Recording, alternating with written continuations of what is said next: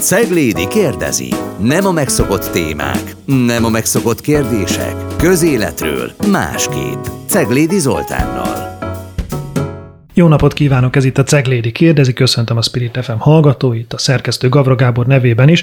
A műsor elején, mint mindig arról szoktam számot adni, hogy mi közöm nekem egyáltalán az egészhez, mi a magam érintettsége.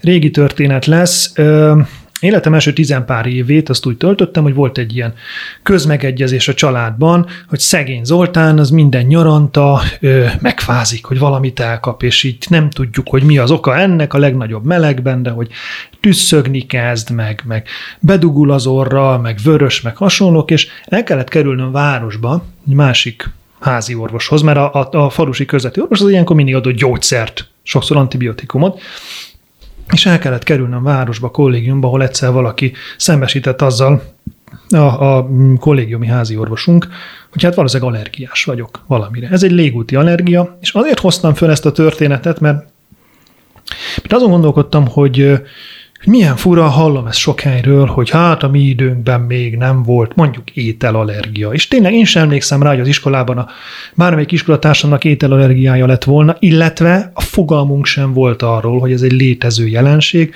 hogy erre esetleg figyelni kéne, hogy ez gondot okozhat, de simán lehet, hogy volt, ahogy a népnyelven is létezett a taknyoskölyök jóval hamarabb, mint sem, hogy tudtuk volna, hogy milyen antihisztamint kell szedni bármire.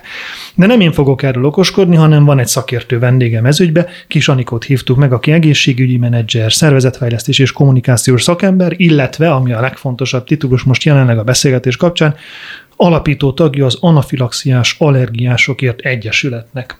Köszönöm, hogy elfogadtad a meghívást. Köszönöm a meghívást, és üdvözlöm a hallgatókat. Mit csinál ez az Egyesület? Az Egyesület pár uh, hónappal ezelőtt jött létre. Egy olyan sajnálatos eset hozta össze ezt a csapatot, amely megalapította ezt az Egyesületet, hogy januárban meghalt egy kisfiú, egy 7 éves kisfiú egy általános iskolában, ő anafilaxiás allergiás volt ponyoróra, a hírekben szereplő információk alapján nagyon hamar össze lehet tenni a képet, hogy sajnos a, a szülők és a pedagógus nem volt tisztában azzal, hogy ne, nem tudták azt, hogy ez a betegség pontosan micsoda, és mit kell tenni ennek érdekében. Ő magyaró allergiás volt, ugye abban a, a, az iskolai környezetben ő egy születésnapot tartottak, és magyaró tartalmú édesség volt, amivel megünnepelték egy másik gyereknek a, a születésnapját. Ő kapott egy anafilaxiás sokkot, és a rövid időn belül meghalt. Bocsánat, erről a kisfiúról ekkor már tudták, hogy egy egyébként magyaró Igen. allergiás? Igen, a hírekben ez pontosan szerepelt. Bocsánat, hogy... a környezete, um, az iskola, a szülők. Az, hogy tudták, hogy anafilaxiás allergiás a, a magyaróra, azt viszont sajnos nem értették meg, hogy ez mit jelent. Tehát itt ö, azt szoktuk ö, mondani az Egyesületben, hogy nekünk az a legfőbb célkitűzésünk, hogy azt, ö, azt az üzenetet átvigyük, hogy itt az egészségértés az életmentő.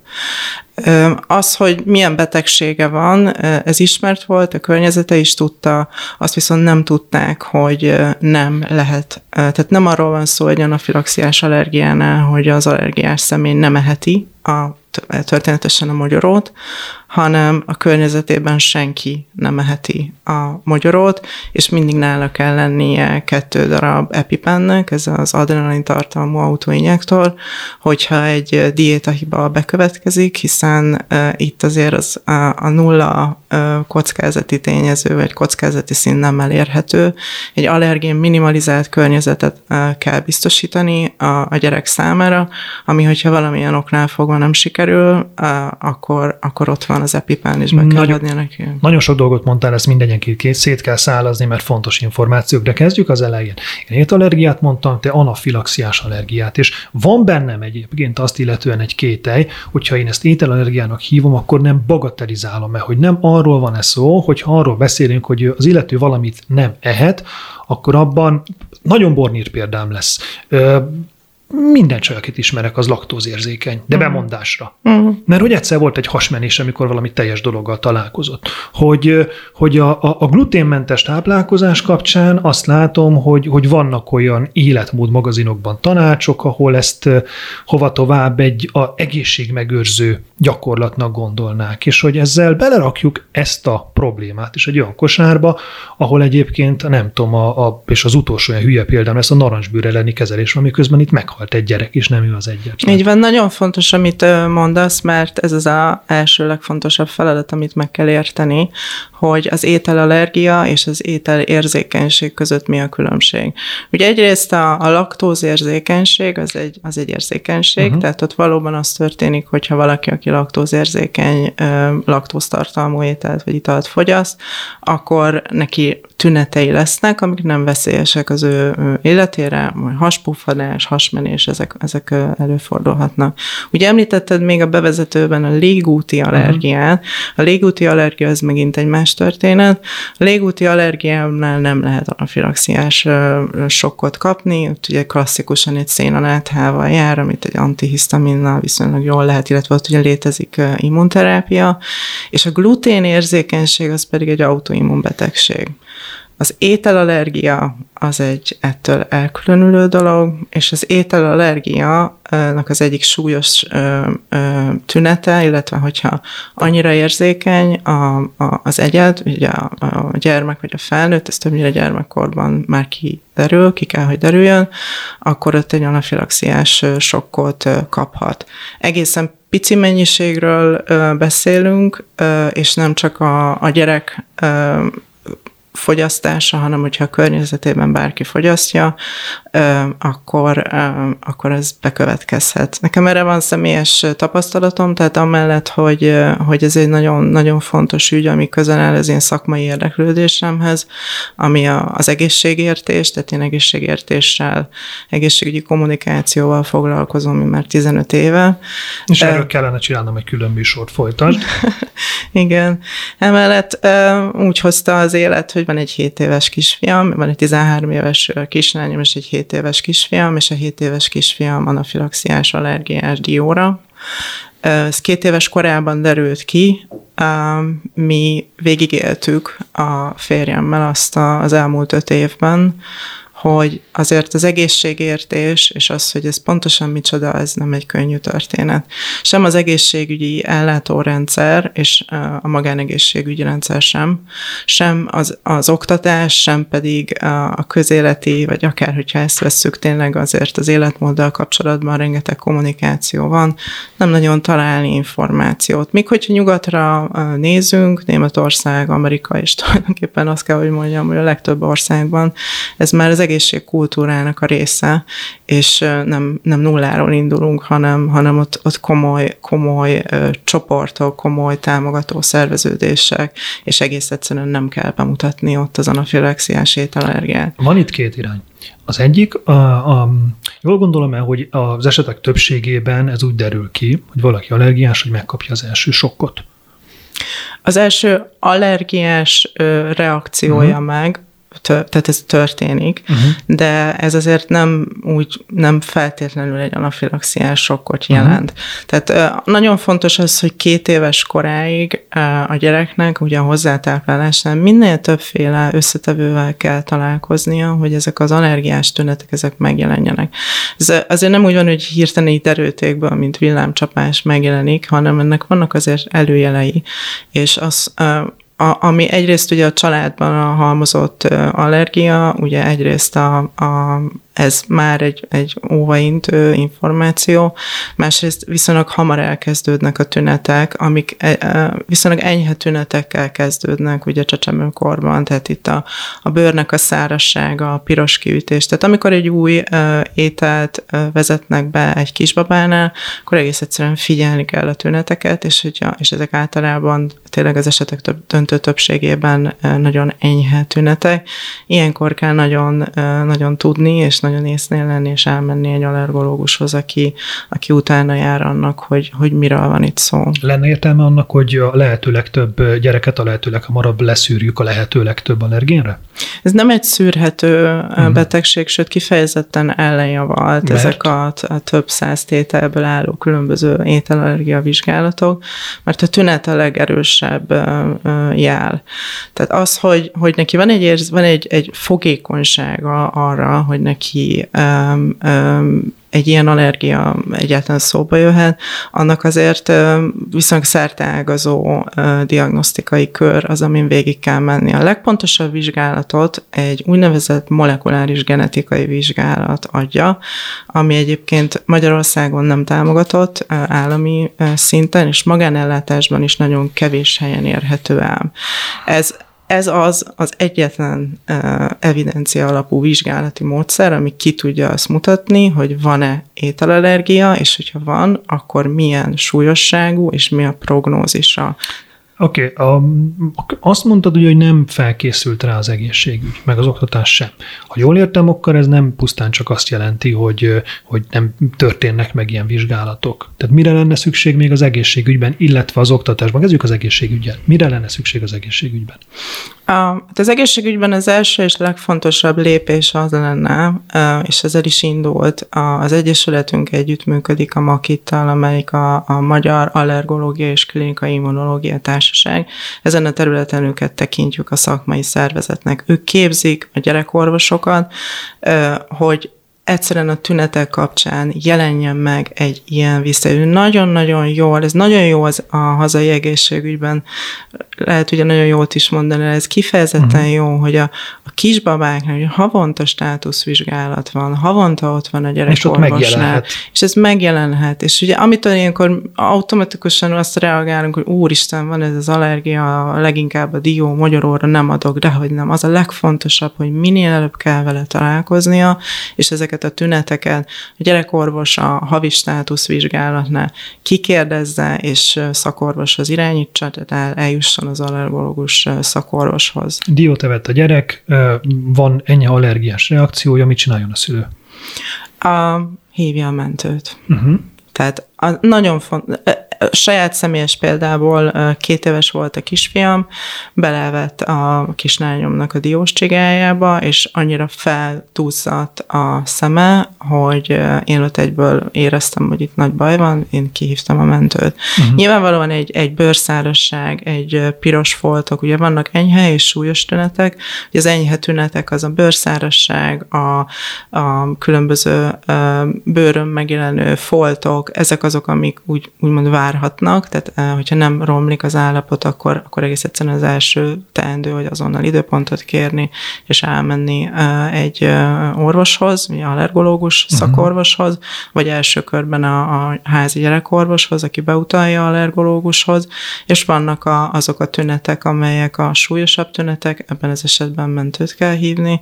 A, ugye a szemnek a, a duzzanata, a, a hányás, a eszméletvesztés, ezek nyilvánvalóan azt már ott, ott azért érzi az ember, hogy ott mindenképpen segítségre van szüksége, illetve a légzésre való hatás, tehát az, hogy egész egyszerűen nem kap levegőt a gyermek. Um, Ebben az esetben mindenképp mentőt kell uh-huh, hívni. Uh-huh, Így.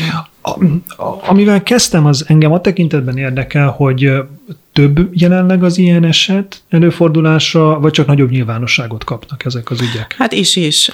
Az Mitől el, változik? Az a helyzet, hogy ugye ez egy genetikai uh-huh. alapú betegség, illetve állapot, tartós betegségnek számít, ez nem kinőhető. Mivel a kortörténetben a kialakulásnak az egyik legfontosabb szempontja a családi halmozódás, éppen ezért minél több allergiás van, és ezek ugye nem kinőhető, tehát az ételallergia ez nem kinőhető egész élet, az én kisfiam egész életében epipennel fog járni, ez halmozódik és öröklődik. Tehát egyre több és több van, és egyre több és több lesz. És akkor vannak azért, ezt is, az ugye nem ételallergia, de mégis most azért eléggé a figyelem fókuszában van, hiszen egy zenész nyáron meghalt ugye a daráscsípés uh-huh. allergia, ami, ami meg egész egyszerűen miatt van, hogy a klímaváltozás miatt egyre több darás van, és egyre, egyre inkább szaporodik a, a, ezeknek az eseteknek a száma, uh-huh. amikor daráscsípésről kerül sor.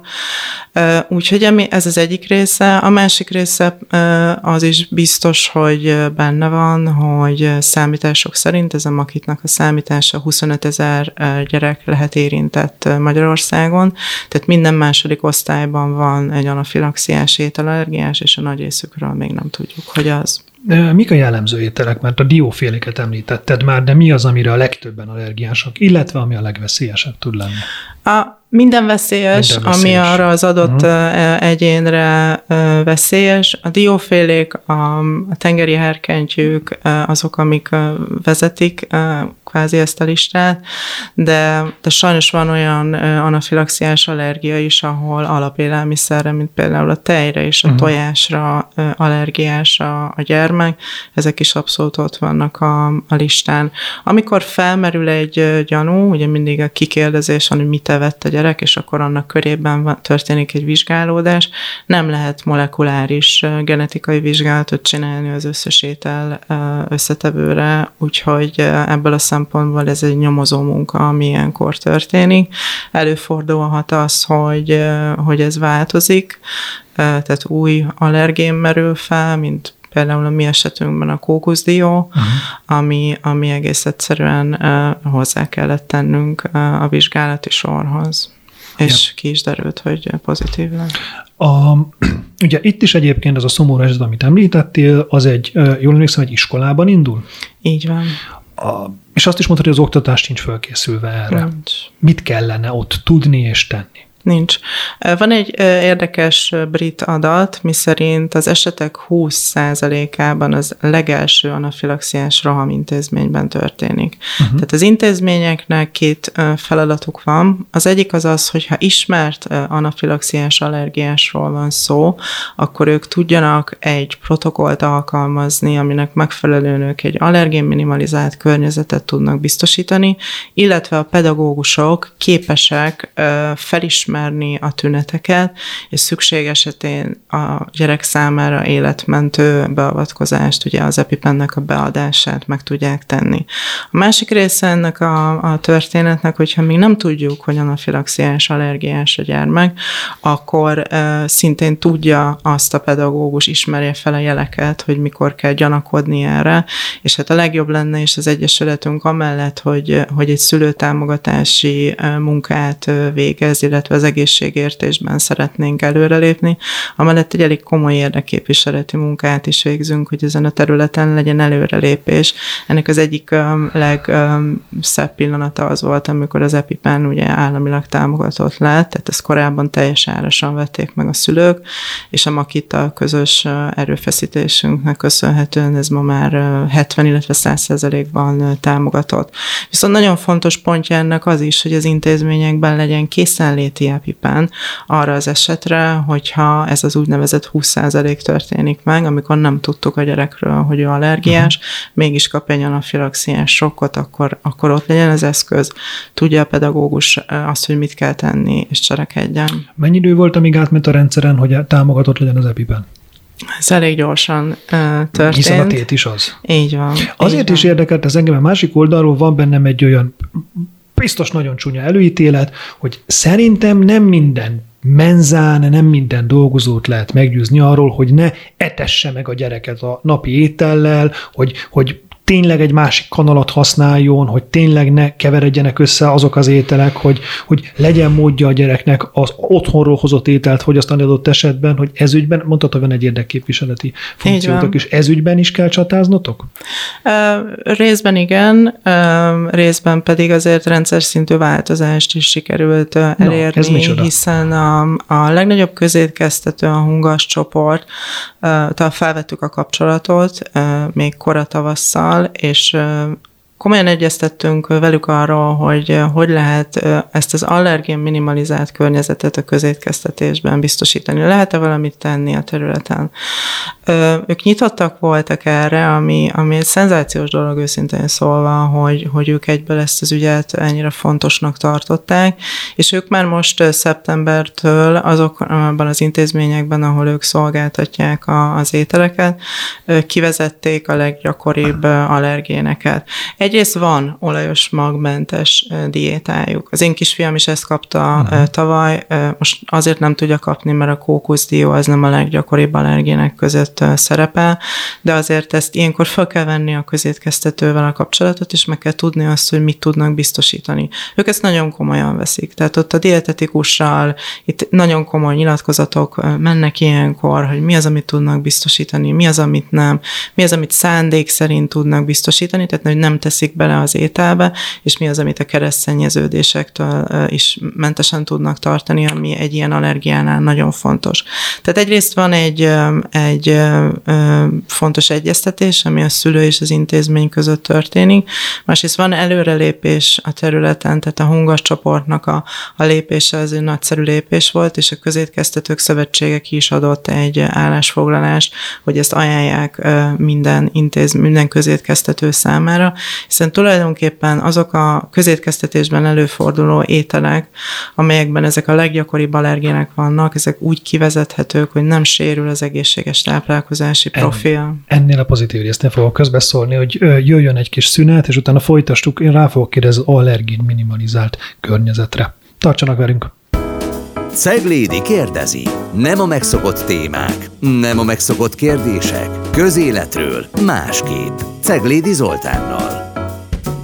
Folytatódik a Spirit fm a Ceglédi kérdez, az anafilaxiás allergiásokért egyesület alapító tagjával, Kis Anikóval beszélgetünk, és egy számomra nagyon érdekes és leíró erővel bíró kifejezést vagy szókapcsolatot használtál, az allergéni minimalizált környezet. És azon, jól mondom? Így van, így van. Hogy azon kezdtem el gondolkodni, hogy mennyire egy reális hozzáállás, hogy nem egy ilyen allergiás lockdownban, személyes lockdownban gondolkozik az ember, hogy akkor egy ilyen buborékba gurítsa a gyerekét, hanem minimalizálni igyekszik a helyzetet. És olvastam nálatok is, mert magam is belegondoltam, hogy mennyire iszonyú nehéz lenne azt, hogy az első csók előtt meginterjúvolni a lányt, hogy evette előtte kesudiót.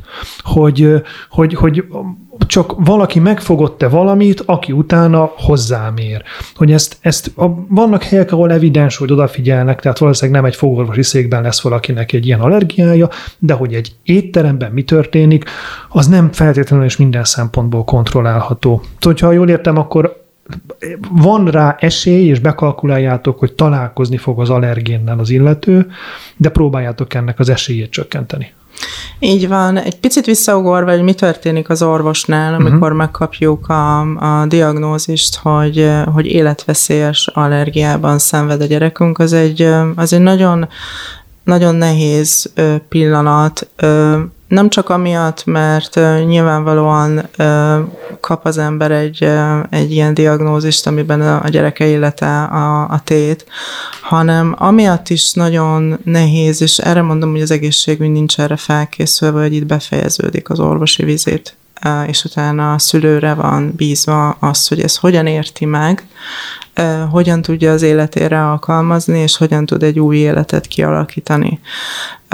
Nekem ugye egészségügyben dolgoztam, egyszer egy, egy amerikai orvos azt mondta nekem, hogy amikor megvan a diagnózisod, akkor tartasz a vizit 10%-ánál. És ez nekem nagyon nagy hatással volt ez a kijelentése, és, és az a helyzet, hogy az anafilaxiás allergia kapcsán ennél még még súlyosabb a helyzet, hiszen nem csak a diagnózist kell megérteni, és felkészülni arra, hogy, hogy lehet életveszélyes helyzetben a gyereked, hanem arra is elindulunk egy olyan úton, amikor egy új életet kell kitalálni, hogy akkor hogyan fogunk ettől kezdve élni.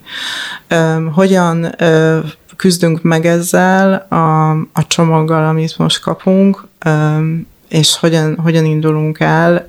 Nekem azt követően, hogy két éves korban ugye megtörtént az első anafilaxiás sok, volt még egy, amikor négy éves volt a, a kisfiam, és én ettem kesudiót, amire addig nem tudtuk, hogy allergiás, mhm. mert hagyományos dióra lett először a, a, a, a diagnosztizálva. Én ettem, és az arcán megpusziltam, és akkor egy nagyon légzésen ellensel járó anafilaxiás rohamot kapott. A történetnek a nehézsége az, az úgy folytatódik, hogy nálam volt az epipen, amit uh-huh. én fordítva fogtam meg. Uh. És úgy adtam be, hogy a saját, saját ujjamba adtam bele.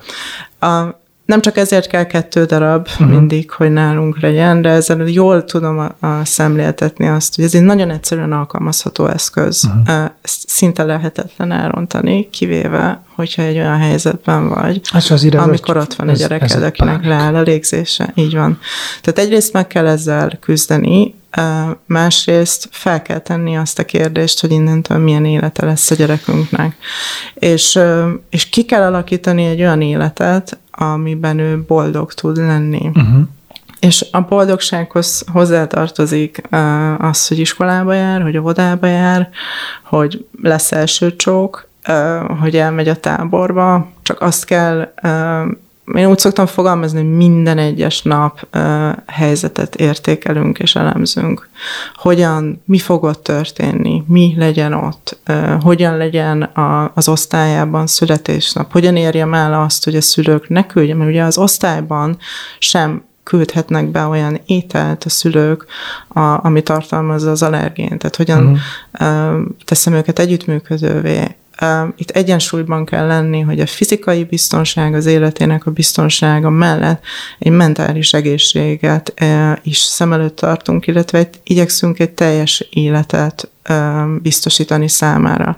Én azt hiszem, hogy a COVID után senkinek nem kell bemutatni azt, hogy a magántanulói státusz, mint ötlet, az miért rossz. Ezeknek a gyerekeknek ugyanúgy szükségük van arra, hogy szocializálódjanak, uh-huh. hogy, hogy korrekt szakszerű pedagógiában tanulják meg a írni, olvasni, számolni, hogy sportoljanak, hogy randizzanak, és elmenjenek a táborba.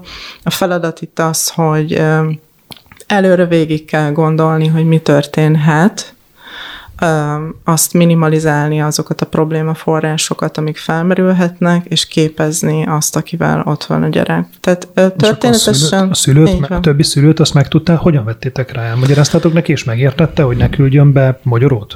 A, ugye ez, ez az allergén minimalizált uh-huh. környezetnek a kialakítása, hogy ugyan nekünk van egy egyéni problémánk, de a környezet támogatását kell kérnünk, mert anélkül ez nem fog menni. Uh-huh.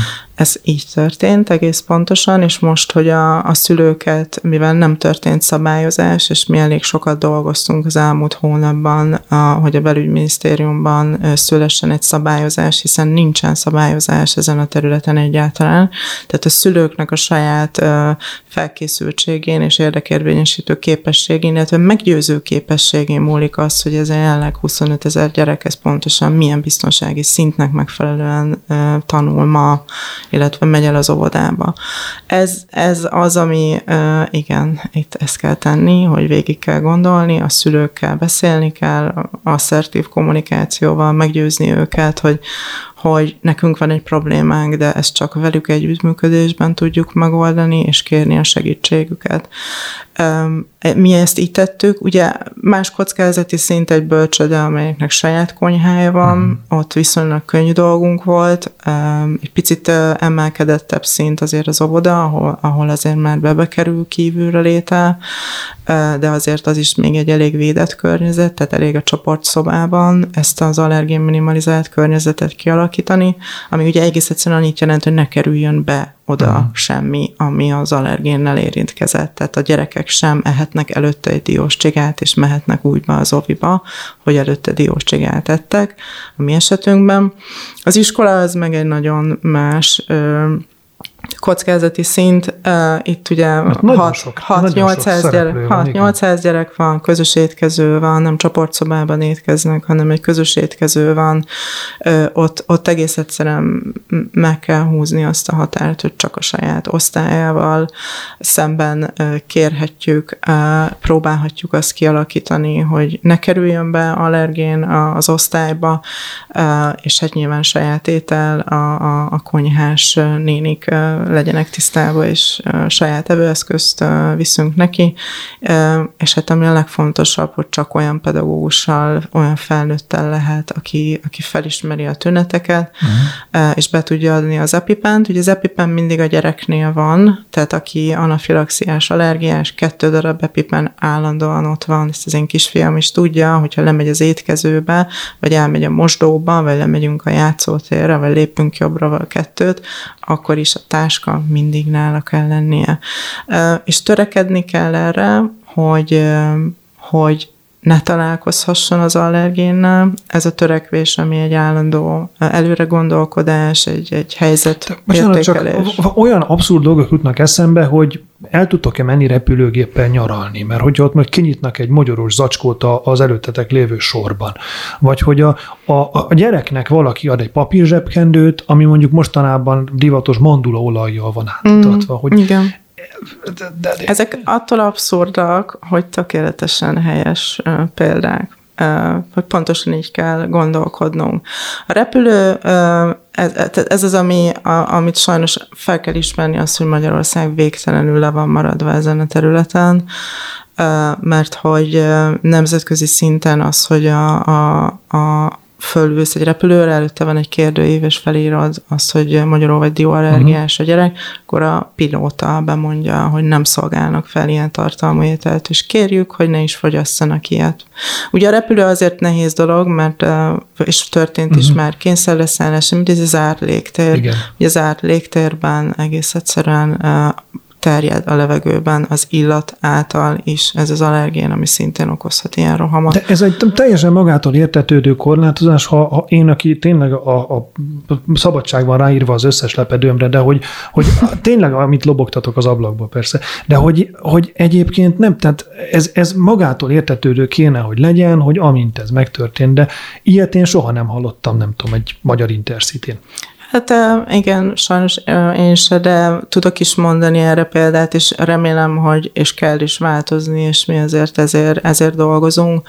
A társadalom érzékenyítése az nagyon fontos. Csak az a helyzet, hogy, hogy előbb mindenképp az első lépésnek annak kell lennie, hogy elfogadjuk jogszabályi szinten azt, hogy ezek a gyerekek léteznek, és uh-huh. joguk van a biztonságos iskolai környezethez, és erre van egy jogszabály, ami mi ugye a Makita kidolgoztunk egy világos protokollt arra, hogy mit kell csinálni. Teljesen egyértelműen le vannak írva a lépések, ezt beküldtük a minisztériumba, ők ezt tárgyalják. Nagyon reméljük, hogy az ősz, őszi ülésszakban erről születik egy döntés. Addig a, nem tudunk más csinálni, mint kérni. Ez a döntés mibe, mi, milyen formában kéne megjelenjen? Tehát mi ez a következő El egy jogszabályára. Amiben le van írva, hogy azt, hogy mi a protokoll, mint hogy az egyes típusú diabéteses gyermekek esetében erre van egy protokoll és uh-huh. egy mhm. eljárás, úgy ebben az esetben is erre van szükség. Tehát az oktatási törvénybe be kell emelni. Joguk van nem csak intézménybe járni, de a biztonságos környezethez. Most értettem meg, világos. Így van. Uh-huh. Viszont az, hogy, hogy joguk van, az még egy csomó uh, dolgot magával Igen. van, uh, és az emberi jogok biztos, kiadott egy állásfoglalás ugye pár hónappal ezelőtt, és ő is ezre kérte fel a, a minisztérium, minisztériumon, hogy hát tessék lépni, mert itt vannak ezek a gyerekek. Egyébként hadd mondjak egy másik példát, hogy hol tartunk Magyarországon. Nekem nagyon sok jó tapasztalatom volt, és nagyon sok rossz tapasztalatom van a személyes érintettségünk fokán. Volt olyan, hogy leültünk étterembe, mert járunk, tehát amit lehet, azt csinálunk, és a mellettünk lévő asztalnál kihoztak egy klasszikus jelenet, hogy hozzák ki a szülinapi tortát, ami egy diótorta volt, uh-huh. És én onnan vettem észre, hogy a kisfiam elkezdte vakarni a szemét. Aha.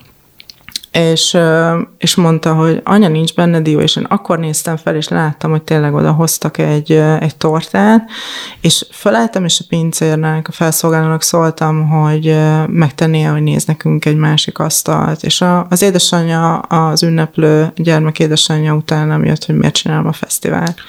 És mondtam, én arra, hogy egyáltalán, önöket egyáltalán nem szerettem volna zavarni, ránk nézve ez nem biztonságos, úgyhogy mi egész egyszerűen egy másik asztalhoz fogunk ülni, és, és boldog szülinapot a gyereknek, és nincsen semmi probléma, amire ugye kapásból az volt a válasza, hogy jaj, hát miért, hát ez, ez teljesen komolytalan ez a dolog, hát most kicsit menni fog a hasa. Nem, a hasa fog menni, meg fog halni. Na igen, hát ilyesmire próbáltam rákérdezni annak kapcsán, hogy mennyire könnyű vagy nehéz megbírkozni ezzel. Magyarázzuk már el, rende, magyarázd el, te, én nem értek hozzá, a, rendesen az EpiPent, mert többször említetted, de akkor mondjuk el ezt, hogy mi ez, hol van, most már TB támogatott, hogy mire jó és hogyan használjuk. Így van, ez egy adrenalin tartalmú autoinjektor, ami azt jelenti, hogy nem kell beszúrni, mint uh-huh. egy mhm. injekciót, hanem egész egyszerűen lehet, van egy pen is, amivel lehet ezt gyakorolni. Egész egyszerűen meg kell fogni ezt a, ezt a tollat, és be kell szúrni a comba, és magát adja be, tehát a készülék az injekciót tulajdonképpen ő adja be ettől autoinjektor, tehát nem kell beszúrni, szúrni, hanem egész egyszerűen a, a szerkezet, hogyha ezt megfelelően használjuk. Olyan esetben, hogyha súlyos, tehát hogyha anafilaxiás allergia van, ez az egyetlen életmentő gyógyszer, a, amire ebben az esetben ugye szükség van, és itt nem várunk. 20 percen belül beállhat egy klinikai halál állapota, ugyanis az történik, hogy anafilaxiás allergia során nagyon leesik a, a vérnyomás, és össze, egy keringős összeomlás történik, és egyszerűen megáll a, a gyereknek a szíve. Ez az adrenalin ezt a folyamatot szakítja meg, illetve hát állítja helyre, és hogyha nem sikeres, akkor egy második epipen az, ami ilyenkor segít, de akkor már a mentőnek régen úton kell lennie, hiszen ez nem, nem az egyedüli teendő ebben az esetben, tehát kórházba kell vinni, lehet egy úgynevezett bifázisos reakció, hogy minden további allergén érintkezés nélkül ez megismétlődik, ez a roham, illetve hát antihisztamin szteroidot kell kapnia, ezek már mind kórházi körülmények között kell, hogy megtörténjenek. Tehát az EpiPen arra van, hogy megmentsük az életét, ez olyan, mint a, a defibrillátor, uh-huh. vagy a szívmasszázs ebből a De senkinek nem mondjuk, hogy nyugodtan fogyaszton, fogyaszton koleszterindús ételeket, mert, le, majd ha infarktusa lesz, akkor egyre több helyen van ilyen izé, bikáztatógép, és akkor majd megugráltatjuk a padlón, és jó. igen, igen. Úgyhogy ez, ez mindig ott kell, hogy legyen nála, és hogyha anafilaxia van, ez az egyetlen, ami az ő életét megmentheti. Ha tárjam föl akkor már tényleg teljesen rendpárti valómat itt, mert hogy a, a koronavírus kapcsán szerintem az egyik pozitív intézkedés, ami sajnos elmúlt, hogy a, a főbb tömegközlekedési csomópontokon készfertőtlenítők voltak kihelyezve. Mm. Érdekes, nem is először Budapesten, én először Rómában találkoztam még 2020-ban ezzel, hogy minden pályaudvaron, minden közlekedési csomóponton lábbal működtethető ilyen adagoló volt, és itt Budapesten is egyébként ezeket kirakták. És ahogy te beszélsz erről az ügyről, bennem az a meggyőződés kezd kialakulni, de nem biztos, hogy igazam van, hogy nem csak arra kéne bíznunk ezt a dolgot, hogy a gyereknél ott van ez a két epipen, hanem hogy eljöhetne egy olyan fázis is, hogy mondjuk, nem tudom, egy akkora helyen, mint ez a rádió, itt is kéne, hogy legyen valahol. Ennek el kell jönnie, és a rádiónak is azt mondom, hogy ezt már most meg is tehetnék. Ugye a legfontosabb, ennek szintjei vannak. Uh-huh. A, a, akinek, akinek diagnosztizált anafilaxiás allergiával mindig ott kell lennie a sajátjának. Ahogy mondtam, ugye ez a 20 százalék, ami ugye először az anafilaxiás intézményben történik, úgyhogy nem tudjuk még a gyerekről, hogy anafilaxiás allergiás. Emiatt kell, hogy minden intézményben, minden nevelési és oktatási intézményben legyen készenléti EpiPen. És ez a harmadik, amit mondasz, ami, ami egyébként szóval Amerikában, de Angliában, Németországban is ez, ezek már működő létező gyakorlatok, hogy a forgalmas helyeken ott van az EpiPen a defibrillátor mellett, és különösen a darás csípést ebből a szempontból meg kell, hogy említsem, hiszen annak még annyira sincsen diagnosz, tehát ott meg kell történnie az első allergiás reakciónak, ahhoz nincsen előjele, hogy nem, nem lehet előrejelezni, nem lehet rá olyan vizsgálatot, ami alapján ezt, ezt ki tudjuk zárni. Úgyhogy emiatt ez még inkább fontos. Én nagyon szeretek kórházas sorozatokat nézni, nagyon-nagyon szoktam rajta mosolyogni, hogy körülbelül minden ötödik részben uh-huh. van egy olyan teljesen hétköznapi jelenet, hogy megy az utcán, és épp meg kell menteni valakit, csak körbe kiabál, hogy kinél van epipán, és rohannak, és hozzák. Ez ott a kultúra része, és ott van mindenkinél, akinél kell, és a legtöbb helyen készenlétben az epipán. A, az egyik kedvenc csupaszpisztoly filmemben Lezé nézen, az 200 ml ez egy adrenalint adat be a betegnek, aki utána nagyon jól is van. Tehát erre talán nincs szükség, de arra viszont ezek szerint lenne, hogyha nincs is egy ismert anafilaxiás allergiát, szenvedő vagy ettől veszélyeztetett gyerek, akkor az intézményekben legyen ilyen így van, így van. Ez elengedhetetlen, ez része is annak a protokollnak, amit megküldtünk a belügyminisztériumnak. Jó. A, tudunk-e még bármit tenni annak érdekében, hogy kevésbé találkozzon a, az allergénekkel a gyerek? Tehát azt értem, hogy te, mint szülő, próbálod őt, és el is mondtad, hogy mi a határ, hogy még az osztálytársaik terjedő közösségben. De odakint, meg idement a különböző helyeken nekünk van-e dolgunk, vagy, vagy bármi lehetőségünk arra, hogy ebben segítsünk? A, az a legfontosabb, a legnagyobb segítség az, hogy nem Akinek ilyen allergiája van, a legnagyobb nehézsége abban van, hogy megértesse, hogy ez uh-huh. micsoda. Tényleg Ádám és Évától kell elindulni, ez nem gluténérzékenység, nem szénalátha, nem, nem laktózérzékenység, és amikor én azt mondtam az első szülői értekezleten, hogy azért kérlek erre titeket, mert a gyerekem élete veszélybe van, és, és nagyon láttam azt, hogy jaj, nem kell ezt így, na hát azért ezt nem kell azt drámázni. szőranya vagy, aki nem kell, Nem kell drámázni, és, és az a helyzet, hogy végtelenül szomorú ezt, ezt kimondani, mégis, mégis az a helyzet, hogy így van, hogy, hogy ennek a kisfiúnak a halála, ez, ez egy bár ez egy időzített bomba volt. Uh-huh. Ez bármikor bekövetkezhetett volna, és, és be is következett. És az, hogy ez megtörtént, azáltal a társadalom sokkal fogékonyabb és nyitottabb arra, hogy megértse azt, hogy ez micsoda, és amikor elkezdem, már most érzem azt, hogy egyre többen tudják azt, hogy ez egy komoly dolog. Nagyon sokszor az volt a nehézség, és az a nehézség, hogy a környezettel elfogadtassam, hogy nem nagyot mondok hanem ez a helyzet, tehát ez a normál helyzet. Tehát ahogy mondtad, hogy ezek abszurd példák, attól abszurd, hogy egyébként így van, tehát ez teljesen igaz ez, ez a történet. És amikor beküldöm a, a születésnapi bulira a, a kisfiamnak a saját nasis cokmókját, és azt kérdezi egy másik szülő nagyon jó fejmódon, hogy ugyanazt ő akkor megveszi és beküldi, és én arra kérem, hogy ne tedd meg, mert ez az én felelősségem. Tehát az, ami az intézményben történik, az a szülő és az intézmény felelőssége. És hiába ugyanazt a kekszet küldött be, amit én küldöm be, ez az én felelősség gazdasági szinten. És hogyha ha ezt nem kell magyarázni és konfliktusok árán végigvinni, hanem megértést tanúsít, megértést kapnak az ilyen helyzetben lévő szülők, az a leges legnagyobb segítség. Nyissuk egy kicsit szélesebbre, mert ha lesz rá módunk, akkor még beszélgetnék veled másról is. Mi az a kifejezés, amit használtál? Egészségértés? Egészségértés, így van. Ez mit jelent?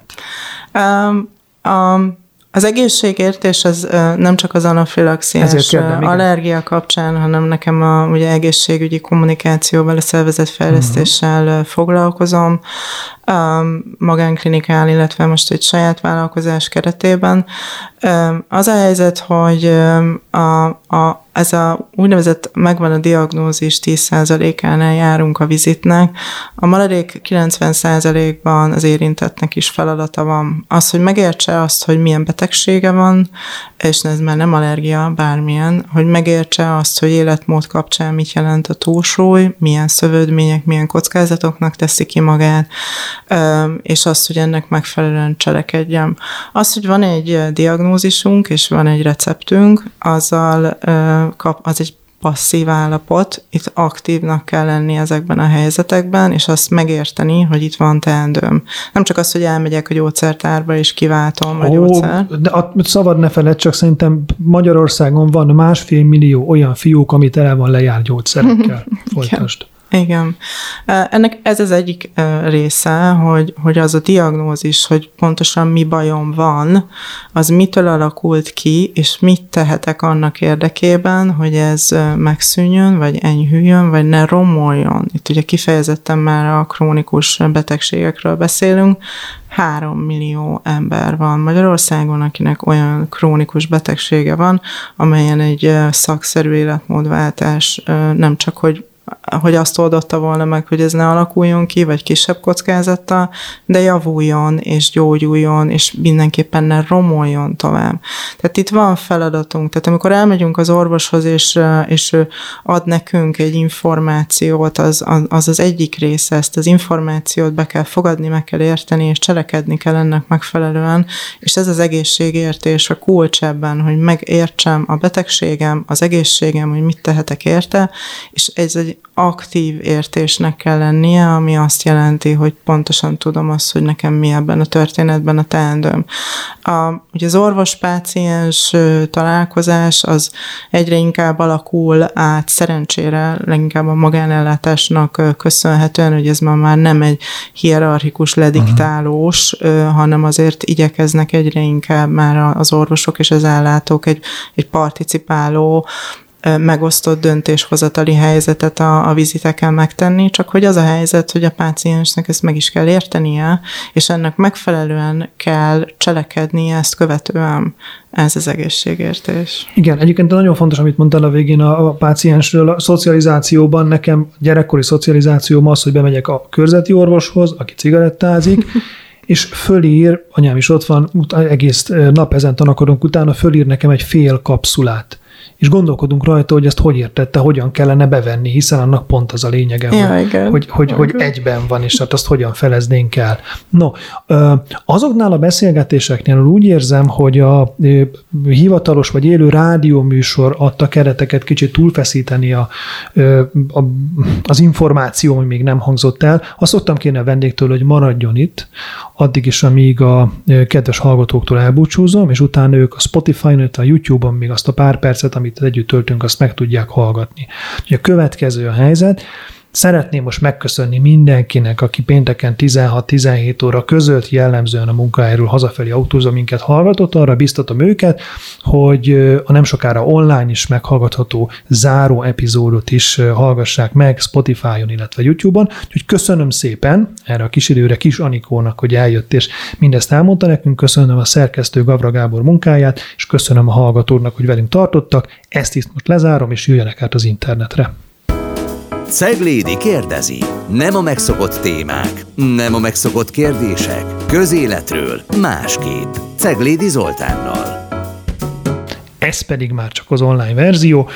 A az a helyzet, hogy a szerkesztő szinte senki ne, semmit nem szokott kivágni ebből a műsorból.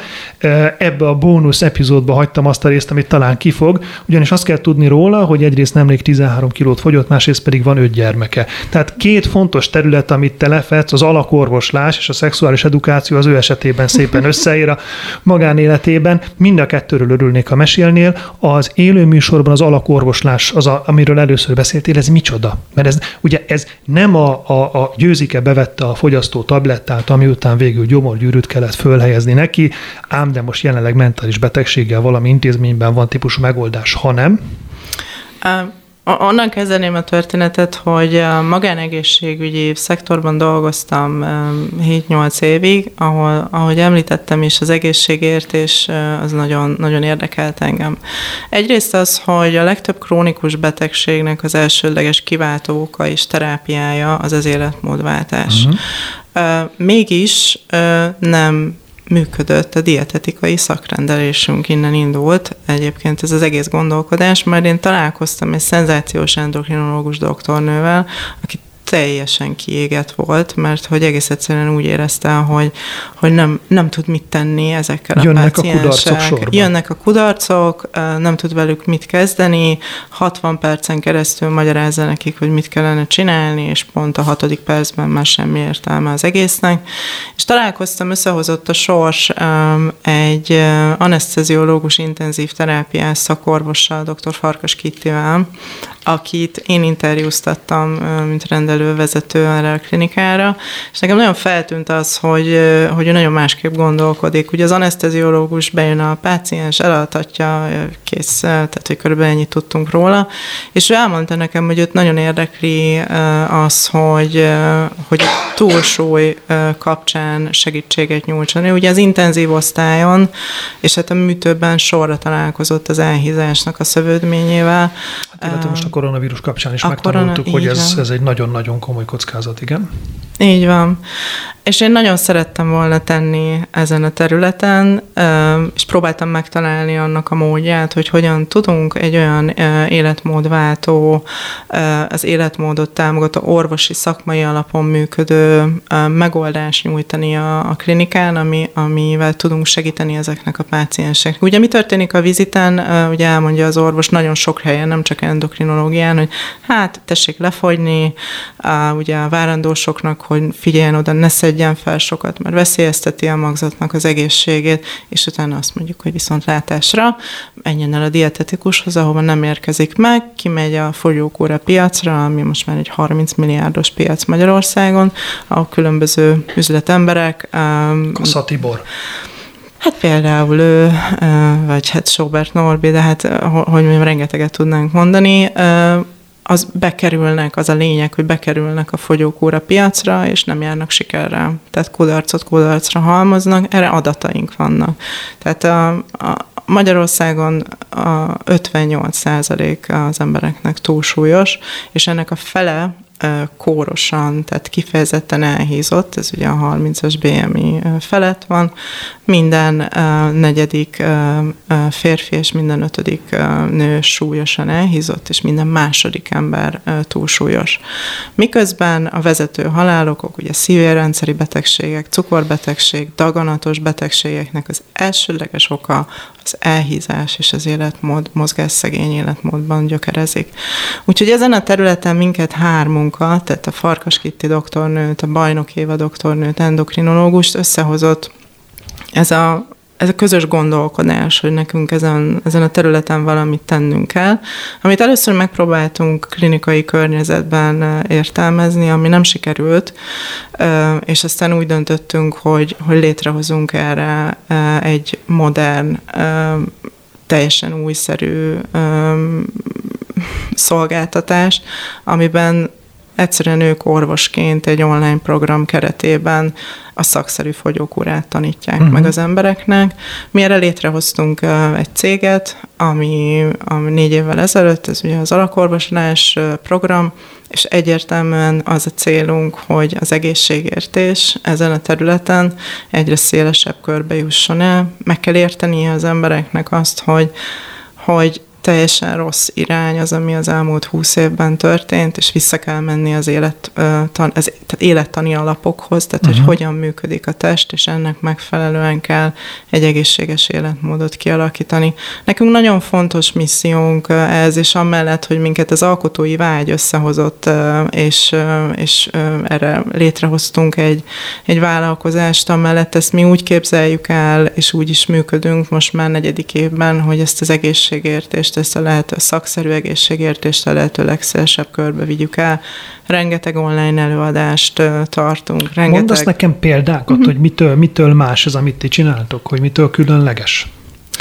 Uh, attól különleges, hogy két orvos, az élettani működés és az ember általános uh, ahogy működik a testünk, ennek uh-huh. megfelelően megtanítja az embereknek azokat az alapokat, amivel kapcsolatban ők tudatosan tudnak az életmódjukra hatni. Ugye ez az 58 százalék, amiről beszéltünk, ők már mind-mind megpróbáltak lefogyni, uh-huh. csak nem sikerült nekik. És leginkább azért, mert helytelen módszert követtek. Ez a két orvos összetett egy olyan, olyan metódust, ami, ami végtelenül egyszerűen közérthető módon a test általános működésének megfelelően tanítja meg az embereknek, hogy mi zajlik a testünkben, és mit, mit kell ro- tenni. Mit rontanak el az emberek legtöbbször?